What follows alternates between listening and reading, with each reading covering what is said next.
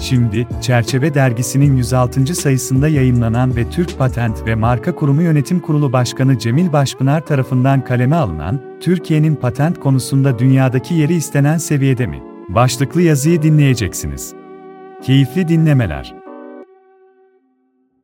ARGE çalışmalarının ve yenilikçi faaliyetlerin en somut ve ölçülebilir çıktıları olan patentler, küresel rekabette yıllardır süregelen güçlü etkilerini ve önemini korumaya devam ediyor. Patentler, insan aklının ve düşüncesinin ürünü olan yenilikleri ve dolayısıyla yeni teknolojileri koruyan araçlar olmanın yanında, teknolojik gelişmelere hızlı şekilde duyarlılık göstererek bu gelişmeler doğrultusunda yeni roller ve işlevler üstleniyor. Nitekim dünyanın bilgi ve iletişim teknolojilerindeki hızlı ilerleyişi ve büyük adımları, hayatın tüm alanlarını etkilediği gibi sanayi mülkiyet alanını ve daha özelde patent faaliyetlerini de güçlü şekilde etkiliyor. Dünya Fikri Mülkiyet Örgütü verilerine göre dünyada her yıl yapılan 3 milyonun üzerinde yeni patent başvurusu, dünyanın sahip olduğu patent portföyünü ve fikri ürün havuzunu hızlı bir şekilde büyütüyor. Dünya genelinde pek çok firma, farklı türde ve ölçekte birçok kurum ve kuruluş, KOBİ'ler, araştırma merkezleri ve üniversiteler daha yenilikçi ve daha rekabetçi olma iddialarını patent başvurularıyla ve bu başvuruların neticesinde oluşturdukları patent portföyleriyle ortaya koyuyorlar.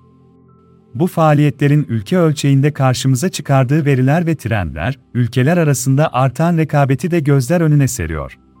Türkiye güçlü bir fikri mülkiyet ülkesi olma yolunda hızlı ve kararlı şekilde ilerliyor. Doğrudan görev ve sorumluluk alanımız olması hasebiyle Türk Patent ve Marka Kurumu olarak bu gelişimi en net şekilde izleme ve değerlendirme imkanına sahip kurumuz. Bazı veriler ışığında bugün patent alanında ulaşmış olduğumuz seviyeyi göstermeye çalışacağım.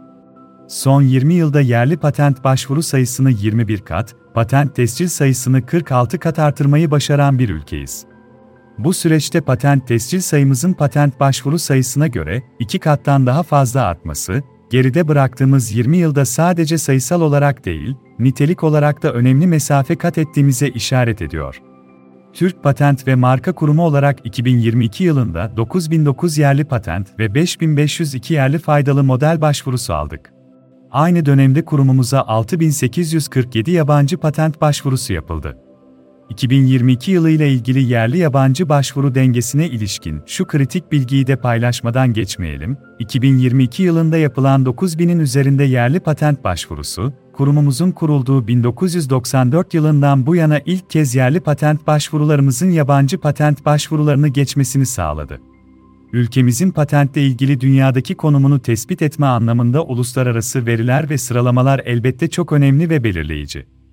Dünya Fikri Mülkiyet Örgütü tarafından geçtiğimiz günlerde 2022 Uluslararası Patent Başvurusu verileri yayımlandı. Henüz kesin olmayan verilere göre Türkiye 2022 yılında bir önceki yıla göre iki basamak yükselerek 17. sıradan 15. sıraya yükselmiş durumda. Türkiye'nin uluslararası patent başvuru sıralamasında Finlandiya ve Avustralya'yı geride bıraktığını görmekteyiz. Türkiye'nin bu ilerleyişini 2023 yılında da sürdürerek Devler Ligi'ndeki varlığını ve etkinliğini daha da artırmayı hedefliyoruz. Ülkemizin patent alanındaki gelişiminde kamu kurum ve kuruluşlarımız tarafından sağlanan desteklerin olumlu etkisini göz ardı edemeyiz. Türkiye, yenilikçilik ve girişimcilik alanında çok sayıda destek programını geliştirerek ve başarılı şekilde uygulayarak bu desteklerin meyvelerini topluyor. TÜBİTAK'ın uluslararası patent başvurularına yönelik 1602 destek programı, COSGAP'in sanayi mülkiyet destekleri ilk akla gelen ve en yaygın kullanılan sanayi mülkiyet destekleri olarak zikredilebilir.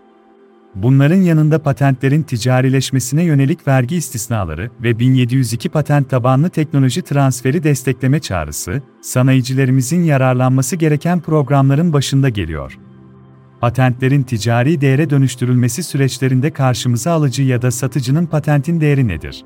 sorusu çıkmaktadır. Bu sorunun cevabını verebilmek ve patentin değerini belirleyebilmek için patent değerleme kavramı ve hizmetinin ortaya çıktığı görülüyor. Patent değerleme kendi içerisinde özellikle hukuki ve teknik analizlerin yer aldığı, patent değerlendirme ve finansal analizlerin yer aldığı, patent değerleme kısımlarından oluşmaktadır. Patent değerlendirme kısmında buluş konusu ürün, yöntem için başvurusu yapılmış olan patentin tescilli olup olmadığı, henüz tescil belgesi almadıysa tescil belgesi alıp alamayacağı, tescil belgesi varsa patentin istemlerinin buluşa konu ürünü koruyup korumadığı, mahkemelerce hükümsüz kılınıp kılınamayacağı, hangi ülkelerde patent başvurusu ve tescilinin olduğu, patentin kalan faydalı ömrünün ne kadar olduğu, başka bir patenti ihlal edip etmediği gibi analizlerle patentin değerlendirmesi yapılmaktadır.